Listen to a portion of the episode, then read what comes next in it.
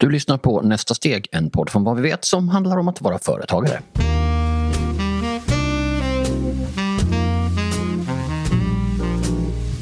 Känner du igen den här?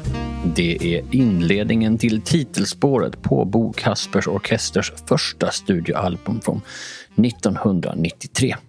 Det handlar om någon som inte orkar gå till jobbet en veckodag utan stannar hemma för Trots att det borde vara onsdag idag är det söndag i sängen hos mig. Som företagare är det svårt att känna igen sig. Just nu är klockan 15.26. Det är söndag och en alldeles strålande krispig höst utanför fönstret. Men jag är hemma och sen tidigt i morse har jag suttit med datorn i knät i soffan och hamrat manus till det här och några andra avsnitt till i den här podden. För trots att det borde vara söndag idag är det onsdag i soffan hos mig.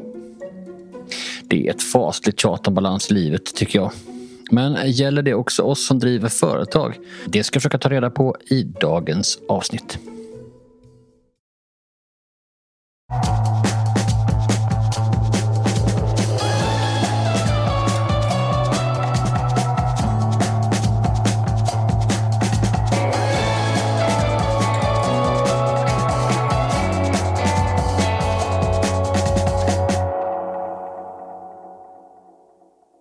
Första gången jag ringde Andreas Årman hörde jag att han var utomhus. Stör jag? undrade jag. Ingen fara, sa han. Jag är och metar med barnen. Det var fredag och Andreas hade slutat tidigt eftersom vädret var fint. Han hade hämtat ungarna och dratt till en liten sjö i skogen inte så långt bort från där han bor utanför Göteborg. Hans svar är symptomatiskt för man är ju aldrig riktigt ledig som företagare. Men man kan å andra sidan ha mer ledigt än de som är anställda. Man lever i en slags konstant både och-värld. Hur som helst, vi bestämde att vi skulle ses veckan efter och Andreas lovar att ta med mig och Meta och så tänkte vi att vi kunde göra intervjun där på någon brygga vid en sjö. En vecka senare hade planerna dock ändrats. En modeplåtning hade omkullkastat kalendern och vi möttes istället i Vasaparken bakom universitetet mitt i Göteborg. Några kvarter bort fortsatte plåtningen utan honom men telefonen var på och han skulle tillbaka dit sen. Jag driver ett eh, företag som heter Amendi som eh, verkar inom eh, modeindustrin. Vi håller primärt på med jeans och jag har en lång bakgrund inom jeansindustrin. Jag har jobbat på ett företag som heter Nudie Jeans i väldigt många år. Mm. Alla i Göteborg som håller på med jeans kommer från Nudie va? Ja, många gör det. Men å andra sidan så är det inte så många som slutar från Nudie Jeans. Så de är kvar. Eh, men det finns ju faktiskt flera jeansmärken som kommer från eh, Göteborg. Vissa är, finns kvar och vissa finns inte kvar längre. Så det är liksom en, eh, ett starkt jeansfäste. Han tittar på telefonen, ignorerar notis och jag frågar hur det egentligen är med balansen i livet. När jag ringde dig förra fredagen så var du ute och metade med dina barn. Då kändes det som att här är ett exempel människa på att prata om någon som har god balans i livet. Har du god balans i livet? Oj, god balans i livet? Uh, nej, det skulle jag inte säga att jag har. Och har jag en strävan efter god balans i livet? Nej, det har jag nog inte heller egentligen. Jag eh, försöker nog inte ha liksom, god balans. Jag tycker om att maxa saker. Mm. Uh, och att driva företag uh, som vi gör är ganska extremt. Och det passar mig som mm. person väldigt bra. Ja, för det finns den här idén om, man läser ju om balanslivet och det handlar ju ofta om de som är anställda i bolag och de ska tänka och inte bli utnyttjade hit och dit. Så och företagande är ju någonting annat. Det kan ju konsumera mig att driva företag och konsumera all min tid och göra allt det. Och sen samtidigt vill man vara med familjen och samtidigt är det ju jävligt kul att driva företag. Ibland är det inte lika kul att vara med familjen. Alltså, jag slits mellan dem. Hur har du resonerat kring det? Jag driver ju alltså mitt företag tillsammans med min fru mm. Julia. Så vi driver bolaget ihop. Vi har väldigt olika ansvarsområden och kompetenser. Så det är inte det att vi jobbar jättetätt egentligen så på daglig basis. Men ändå, vi, vi gränsar ju till varandra i väldigt mycket.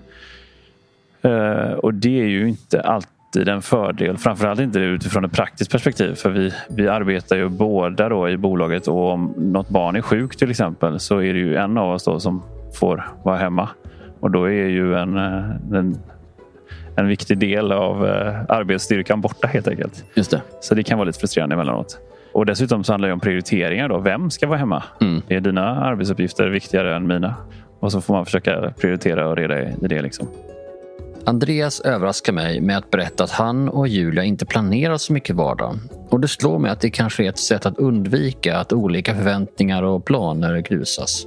Vi är den typen av människor även privat. Så där, att vi, vi, är inte super, vi, vi planerar inte så jättemycket Mm. i vår vardag eller eh, när vi ska träffa människor eller inte. Utan att eh, livet liksom händer ganska mycket Mm. för oss. Och vi gillar att ha det så. Vi trivs med det. Men även det har förstås ett pris. Men det är lite synd ibland för andra vänner och bekanta som kanske inte gillar att leva sitt liv så. Det blir ibland lite svårt att jämka ihop det för att på en fråga, ska vi äta middag ihop om två veckor? Fredag klockan åtta svarar nog jag och Julia nej på 99 av 100. Mm. Men det är inte för att vi inte vill utan det är mer för att vi inte tycker att det känns så bra att binda upp sig två veckor innan. Utan vi kan väl återkomma och då kanske de bokar med någon annan och så, Mm. så blev det inget. Det är lite synd. En av de saker som jag har svårast med att uppskatta är hur lång tid någonting kommer att ta. Och särskilt om det är något som känns avgörande och jag berättar där för Andreas. Man intalar sig själv att det där stora breaket är ju alldeles runt hörnet. Och kanske det intalar man sig själv att om jag bara lägger in... Ja, det kanske blir lite jobb den här helgen men sen borde det vara klart. Liksom. Ja men verkligen. Det är hög igenkänning. Att, eh, nu är vi inne i en liten tuff period. Nu får vi ta i lite extra. Men eh, om två, tre veckor här så kommer det ju lätta. Mm. Det är ju, och det är ju liksom så skönt på något sätt att man är så pass naiv och när- närmast korkad. Så, så kan jag ofta säga på, på kvällen, antingen högt till mig själv eller till Julia. Att, alltså hade jag vetat hur den här dagen skulle bli, då hade jag ju inte orkat kliva ur sängen. Alltså. Eh, och nästa morgon så vaknar man och så bara man känner ja, det kommer nog gå rätt bra idag också. tror jag. Det kommer nog bli en nice dag liksom, och kommer ha det trevligt. Fast ibland så fastnar man i vardagen också, erkänner Andreas. när det är lite för mycket då kan jag ibland känna att nej, men nu, nu måste vi kliva åt sidan lite grann här och titta på vad det är vi gör Mm. ett litet tag. Och ibland så missar man det. Det har gått för långt. Man har liksom kört för hårt i det dagliga. Liksom. Hur ser det titta och ta klivet åt sidan ut? Tar ni då lång promenad eh, i skogen eller är det att man åker iväg någonstans? Eller? Ja, men i vårt fall så, så ofta på mitt initiativ så, så åker vi iväg. Mm. Och, för det är ofta bra med en ny miljö och också sam, att, liksom att forcera fram ett samtal om utveckling och förändring är, är ofta svårt tycker jag. Mm. Eh, utan att man kanske måste liksom landa, landa in, in i ett sånt samtal. Och det krävs lite tid och eh, kanske lite andra aktiviteter liksom, runt omkring. Vad får dig att ladda batterierna? Ja, jag har ju alltid trott att jag är en extrovert människa. För att eh, jag eh, genuint tycker om att umgås med människor och är intresserad av andra människor. Eh, det visar sig att jag faktiskt är väldigt introvert. För jag blir väldigt trött av socialt umgänge. Eh, och jag har förstått nu när jag blivit lite äldre att jag, ja, men jag uppskattar verkligen eh, ensamheten. Eh, jag tycker den, är, ja, men den ger verkligen energi för mig. Mm. Eh, så självklart i balans såklart. Jag, som sagt var, i grunden så gillar jag ju social samvaro. Mm. Men eh, jag har större behov av ensamhet än vad jag trodde. Och vad gör du då? Alltså, i- ja, det, är väl, det är väl extremfall då, men det är väl hänt att jag har åkt iväg själv och eh, bott på, tagit en natt på hotell Mm. och bara, bara hängt. Ätit middag själv och eh, vilat, Mm. eh, funderat. En grej som Andreas tar upp, ett problem, och som jag verkligen känner igen mig i och som dessutom tror att många också kan identifiera sig med, ja det är den här viljan att peta i detaljer. Det är väl ännu en svaghet från min sida att jag, jag tycker det är viktigt. Liksom. Jag tycker ju detaljerna är viktiga. Mm. Eh, och jag kan ju lägga tid på korkade saker emellanåt som egentligen inte betyder så mycket. men som för mig är, är viktiga. Liksom.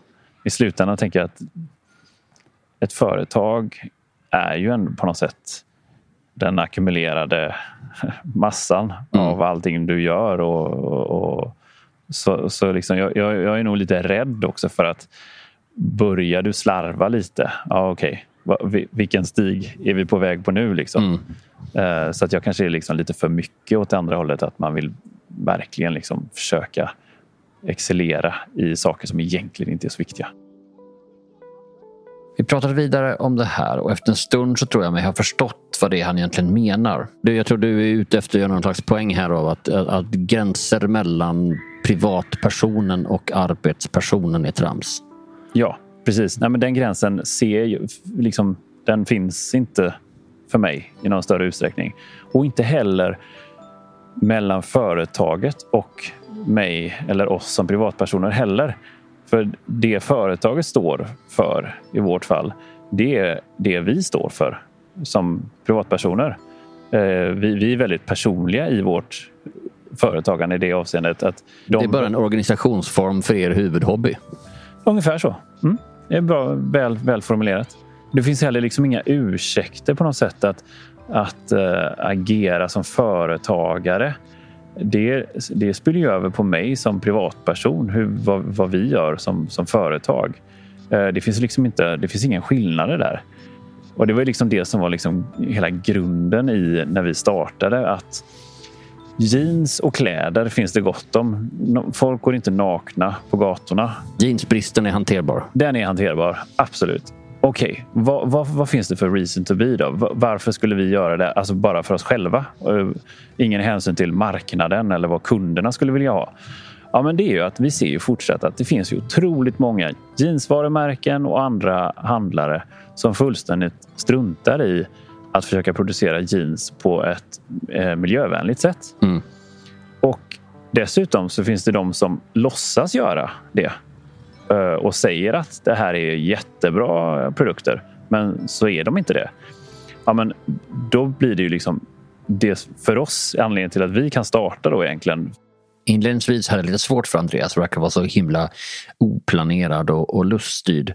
Men ju längre vi pratar så inser jag att det är nog ett sätt för honom att vara energieffektiv och att jag nog har en del att lära på det här området. Det blir tydligt när vi pratar om målet för företagaren som en slags kraftkälla.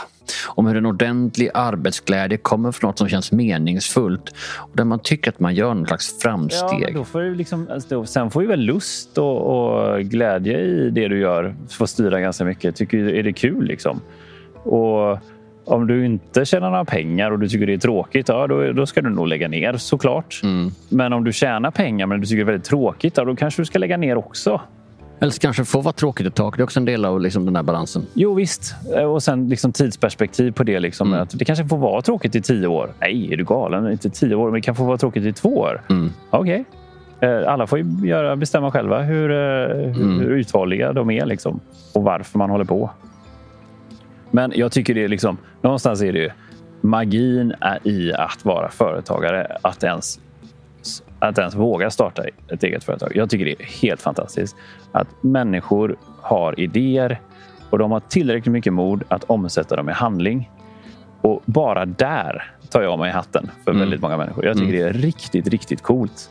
Och sen om man dessutom då lyckas livnära sig på att man faktiskt tog det här steget. Det är ju, det är ju liksom guldstjärna på det. Men jag tycker bara det första steget tycker jag ska ge... Jag, jag tycker att det förtjänar större hyllningar än vad det, vad det får idag. Mm. Jag tycker det är riktigt, riktigt coolt att eh, folk har modet. Sa Andreas Årman på Amendi i Göteborg innan han hastade tillbaka till sin modeplåtning. Kanske är det det där vi borde lägga fokus på istället. Att prata om modet att driva eget snarare än problemet med att uppnå balans mellan jobb och fritid. Eller så är det kanske så att det är den där uppdelningen, å ena sidan jobb och andra sidan fritid, att vi gör dem till ett motsatsförhållande. Det är kanske det som är grejen. Det är det som är problemet. Eller att vi använder helt fel ord för att beskriva det. Mer om det efter det här.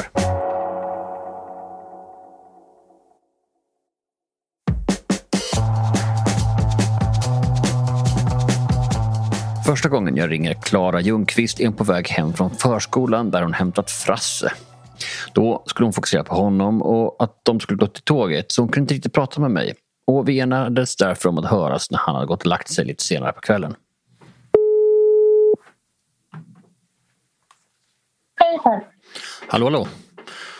Ska man, ska man viska nu så att man från Frasse sover? Nej, det behövs inte. Men jag ska bara stänga av Greta Gris här i bakgrunden. Klara har grundat People Heart Business. En firma som hjälper företagen att kombinera välmående med topprestation, som hon uttrycker det. Eller någon slags coaching, som också kan uttrycka det. Med en bakgrund som elitidrottare, innebandy var hennes sport, och som utbildad psykolog har hon förstås många erfarenheter och lärdomar att dela med sig av. Men i det här fallet är hon också företagare och med tanke på att klockan är efter åtta på kvällen när vi hörs så undrar jag förstås en sak. Vad är balans i livet för dig? Ja, eh, när du säger det så är det första jag kommer att tänka på eh, att må bra och eh, också ta vara på sin potential på något sätt. Mm jag tänker att, eh, också att det finns liksom en, eh, en överensstämmelse mellan eh, de värderingarna du har om hur du vill leva ditt liv och hur du faktiskt lever livet. Och det behöver ju på intet sätt se likadant ut för dig som för mig som för någon annan.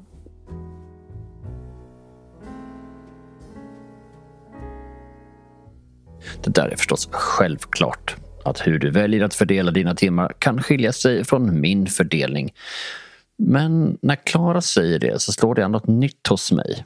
Något om att du kanske tänker lite för statiskt på just den där uppdelningen mellan jobb och fritid.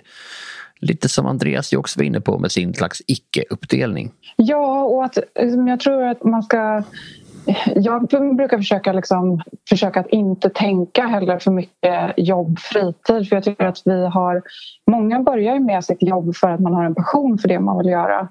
Eh, och sen så hamnar man i ett sammanhang eller en kontext eller det blir en inramning som gör att den där passionen kopplas ihop med massa andra delar som är negativa. Så till sist så är inte den där passionen lika rolig som den en gång var.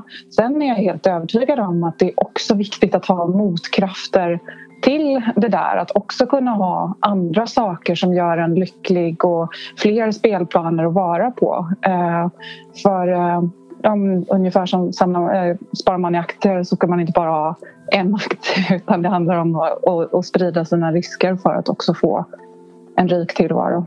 Så det handlar kanske mer om Alltså någonstans som att inte dela upp livet i jobb, fritid utan snarare arbete visavi återhämtning. Jag frågar Klara hur mycket återhämtning vi egentligen behöver eller är det också helt individuellt?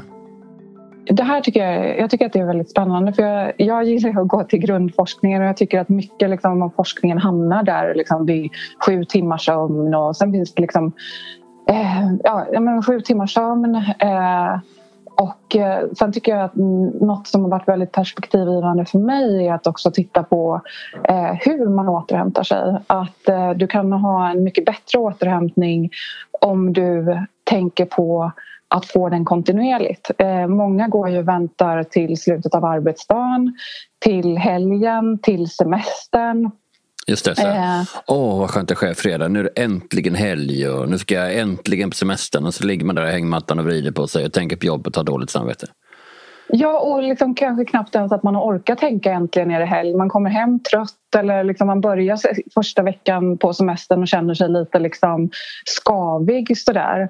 Eh, och eh, när jag läste om återhämtning och forskning kring det och att man ska tänka på det som mat, att man ska få återhämtning fem gånger om dagen. Eh, det blev verkligen en ögonöppnare för min del och eh, eh ja, men det har påverkat mig mycket och, jag har också läst det här om att en, man ska försöka så mycket som möjligt att man ska vara återhämtad.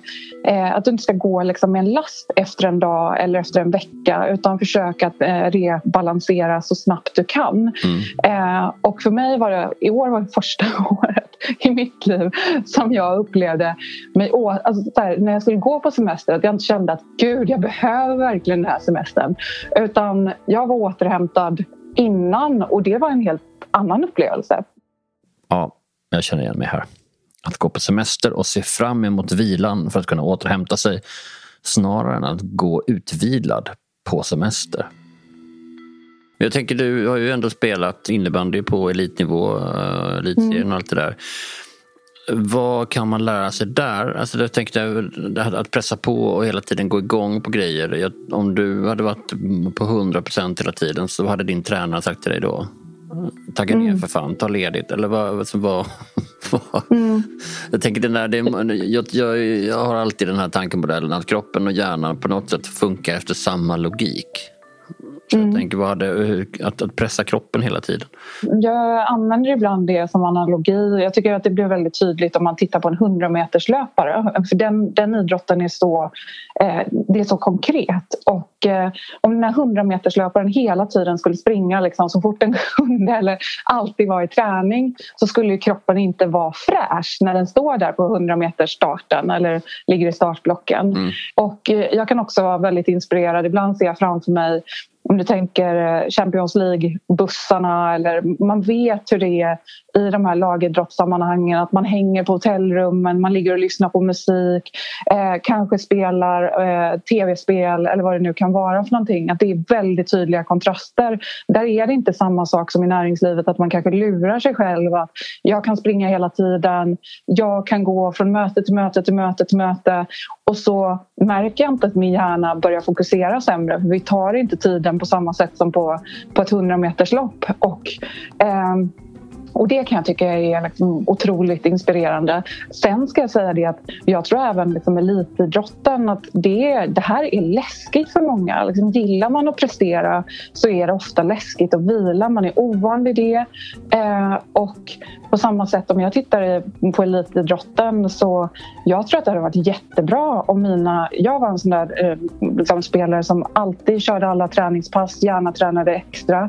Men hade jag haft en riktigt klok tränare liksom, i vissa situationer så hade den tränaren sagt till mig du, eh, Klara, du pluggar heltid, du spelar innebandy, du jobbar. Eh, den här julen så vill jag faktiskt att du vilar. Jag vill inte att du eh, kör eh, hård träning under uppehållet för det kommer sänka din prestation. Jag tror att din kropp behöver vila.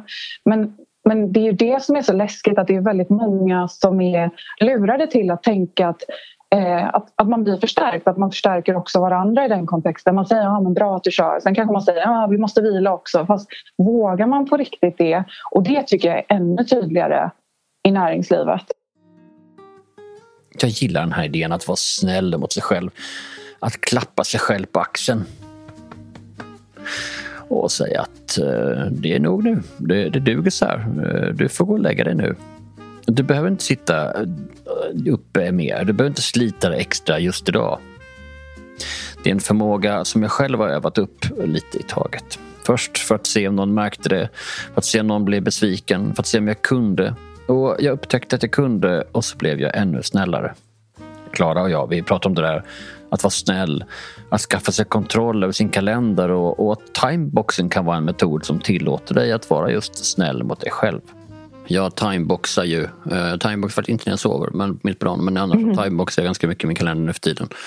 Och mm. där lägger också in sådana grejer med liksom att jag ska springa eller jag ska simma eller jag ska göra armhävningar eller vad jag har för små grejer för mig. Och då blir det ju också att just det här ligger det. Det är ett annat sätt att värdera sin tid som ju är är klokt. Mm. Uh, men det är, ja, det är supersvårt. Jag är jättebra på det där, faktiskt vara snäll. Jag har insett att jag gör det. Jag kan känna efter på att nej, nu funkar det inte. Nu ska jag istället se en stand-up special på Netflix eller liksom så. Att, att känna efter. Mm. Det är så härligt att du, att du nämner Netflix eh, där också. För de första grejerna som du sa, springa och simma och så vidare. De tror jag många prestationsmänniskor är Eh, ja, de är man vana vid att göra. Kanske inte alla, för en del hamnar väldigt mycket i liksom, som egenföretagare att man bara jobbar och kommer inte till träning. Men sen finns det också de som breddar det lite och så tränar man väldigt hårt. Eh, och jag hade den dialogen med en av mina anställda som på vårt bolag så har vi en eh, well-being challenge. Så man får sätta upp ett mål för sig själv. Det här, eh, alla har vi någonting som vi kämpar med i livet. Vad är det som på riktigt skulle göra dig att du må, göra att du mår bättre? Mm. Och det här är en väldigt prestationsinriktad person som liksom hela tiden eh, pushar sig själv. Och så kom hon på att ja, men det som ska vara min utmaning det är att jag ska bli riktigt, riktigt bra på att spela piano. Mm. Och, och sen när hon sa det högt och vi pratade om det så var det liksom, då blev det tydligt för henne att bli riktigt bra på att spela piano blir bara en grej till som handlar om prestation. Mm. Eh, och det är det som är... Och, och, det där behöver man ju ifrågasätta lite för det är inte helt säkert att vi själva kan se det. Eh, var vi är i relation till det där. Jag tycker att det är jättesvårt. Jag kan inbilla mig långa perioder att nu ligger jag bra till och sen så ser man att äh, det gjorde jag inte. Jag, jag har lurat mig för jag vill så gärna tro det här. Och det är samma sak med alla andra liksom riskbeteenden. Om, om du frågar en anorektisk person Eh, om du äter för lite? Nej, nej, jag äter alldeles lagom. Jag är däremot lite tjock. Och, och det är inte annorlunda med en alkoholist eller en, en, någon som jobbar för mycket. Så att man får ju också vara ödmjuk inför vad är min bild och hur skulle andra liksom, se på det där eh, med lite kloka ögon. Det gäller ju att lära känna sig själv liksom, i ens egna fallgropar. Och hur lätt är det som egenföretagare? När man kämpar på själv eller med få anställda och känner att allt hänger på vad man själv gör. Och att det kan göra att man alltid känner att man kan jobba mer eller borde jobba mer. Jag tänker också att som egenföretagare så är man ju också på något sätt eh, sin eh, egen lyckas smed. Att vi har så många föreställningar om hur det ska vara att vara egenföretagare. Och jag tror att man behöver gå tillbaka till hur vill jag att det ska vara? Eh, och också våga vara modig i att jobba mot det. För att jag tycker jag stöter på så många oavsett om det är liksom egenföretagare eller i större bolag där om man har en tendens att eh, vara lite för operativ eller hela tiden vilja gå alla till mötes, ja men då hamnar man i det där eh, spåret att det är aldrig så att man blir klar eller folk liksom blir nöjda och aldrig frågar efter någonting mer. Så det handlar också om att liksom fundera över hur förhåller jag mig till min egen prestation? Hur förhåller jag mig till andra? Jag kan, faktiskt, jag kan, kan jobba smartare med mina kunder och sätta gränser för dem. Det kanske till och med blir bättre för dem att de måste ha lite framför framförhållning i sitt arbete eller eh, att eh, att det blir bättre på, eh, kvalitet på mitt jobb om jag sätter gränser för dem. Och där tror jag att man är, många är försiktiga med att våga det där. För det är igen kortsiktiga versus långsiktiga konsekvenser. Konstaterade Klara Ljungqvist på People Heart Business. Inte heller hon hade alltså särskilt mycket över för den stela bilden av jobb, X-timmar och fritid, Y-timmar och det får mig att fundera på om jag faktiskt haft helt fel förväntningar på balans. Är det rimligt att anta att man inte kommer kunna ha balans när man är företagare? Än att tro att man kommer kunna väga olika saker i ungefär lika stor storlek eller vikt eller vad man nu säger. Eftersom Almi är vår samarbetspartner för den här säsongen och nästa steg så blir det en av deras rådgivare som får försöka svara på den där jättefrågan. Jag ringer Rut Semere om man som företagare vill försöka hitta balans i livet, vad innebär då det och är det liksom ens möjligt? Men jag tycker att det är en, en väldigt intressant fråga och jag tycker att det är en utmaning för många, alltså inklusive mig själv. Eh, jag jobbar ju som affärsrådgivare på Almi och har erfarenhet av att driva eget. Så det, det, det, är en väldigt svår fråga att tackla men samtidigt så är den väldigt viktig. Och jag tror att en bra plats att börja på är ju eh, att fråga sig själv vad balans innebär för en just i den perioden av ens liv som företagare. Vad, hur definierar man balans? Mm. Mm. Jag tror att det, det, det, är väldigt viktigt för att när man är en egen företagare så bär man så många olika hattar samtidigt som sätter en helt annan press. Och ansvaret är mycket större kanske på ett, på ett annorlunda sätt än att vara eh, arbetstagare där det är någon annan som kanske håller i många andra frågor. Men som företagare så har man helt plötsligt ett helt annat ansvar. Mm. Så där tror jag också liksom, hur kan man definiera balans utifrån det perspektivet och hitta någon sorts relativitet i det. Och då menar du också att det ska vara relativt till vilken fas bolaget befinner sig i och att det förstås varierar. Och sen tänker jag, tänker jag också på när det gäller balans att balansen kanske kan se väldigt olika ut i olika skeden av sitt företagande. Hur ser, hur ser, vad är en rimlig balans i början när man startar upp eller i en expansionsfas eller en fas där man kanske stabiliserar mer och får in fler resurser i form av pengar eller liksom fler anställda så att säga. Så det kan ju se olika ut i olika faser av ens företagande också. Mm. Men jag tänker att oavsett det så inser jag utifrån mitt arbete och liksom den datan jag har från de kunder som jag har rådgivit och även i min egen eh, entreprenörsresa företagarresa att det är väldigt viktigt att ha intentionen kring balans. Man behöver inte ha hittat hela lösningen men att fortsatt, fortsättningsvis ha intentionen och låta den intentionen att informera också företagets utveckling. Just det, då kan man också kanske säga att nu är vi i den här fasen och då kommer det bli jävligt jobbigt ett tag. Och sen efter det så ska jag... Ja men precis och på så sätt så kanske man kan ha lite mer rimliga förväntningar på vad balans betyder i fas X eller liksom jämfört med fas Y så att säga. Mm. Så jag, jag, tror att det, det, har i alla fall varit min erfarenhet också. Att jag rådgiver väldigt många bolag som eh, har blivit hårt drabbat utav, drabbade av pandemin i besöksnäringen. Så vad, liksom, vad innebär det att ha balans i sitt företagande under en pandemi? Många har fått jobba jättehårt bara för att överleva. Men hur kan man då i sin verksamhetsplan kanske sätta någon sorts plan för men hur kommer det se ut när vi har börjat att stabilisera oss mer? Hur kan jag se till att, att jag friar upp tid för att få mer balans? Vad innebär det? Vad behöver jag?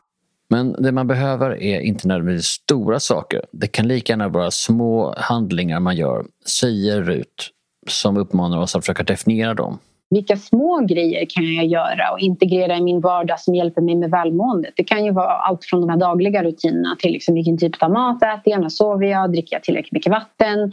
Alltså små saker som man kanske inte tänker på så mycket när man är överväldigad men som faktiskt kan hjälpa till med välmåendet och balansen. Visst. Men om man sitter i skiten då? Om balansen är åt helvete, vad gör man då? Har Rut något supertips på lager kanske? En sak som man kanske kan glömma när man är överväldigad det är det här med att planera in det. Att ligga före, att planera in eh, utrymme för balans. Alltså både Helt i det dagliga... Timeboxa i kalendern bara, här ska jag sova en kvart varje dag uh, som jag gör. Absolut. Eller uh, springa eller här ska jag, här ska jag försöka ja. se en film med min partner. Absolut, att ligga före det externa och all efterfrågan som kommer komma och se till att man har lite tid för sig själv i, i kalendern. Och helt plötsligt så blir det en del av verksamhetsplaneringen. Att liksom balansen är inplanerad i hur du eh, driver din verksamhet. Sa Rut Smere på Almi och det där verkar ju toppen. Som företagare har jag lärt mig det mesta genom att lyssna på andra. Så vilken företagare tror du skulle uppskatta dagens avsnitt? Använd dela-knappen här i din poddapp och välj om du vill messa eller mejla dem. Delar du sociala medier? Ja, då ska du använda hashtaggen nästa steg. Jag vill också tipsa om att följa vad företagskanal på Instagram kallad www.företag www.foretag där vi förklarar sammanhang du som företagare vill ha koll på. Modern allmänbildning för företagare helt enkelt. Med detta, tack för idag. Nästa vecka är det dags för ännu ett avsnitt där vi följer en företagare som är på väg att ta nästa steg. Kanske just det steg som du funderar på här och nu. Klicka prenumerera här i appen för att inte missa det. Och du du har ju förstås alla avsnitt från tio säsonger här i appen också. Då kanske du kan lyssna och hitta ett avsnitt som passar dig precis nu. Till nästa gång, ta hand om dig och fundera på vilken sorts balans som passar dig bäst i livet.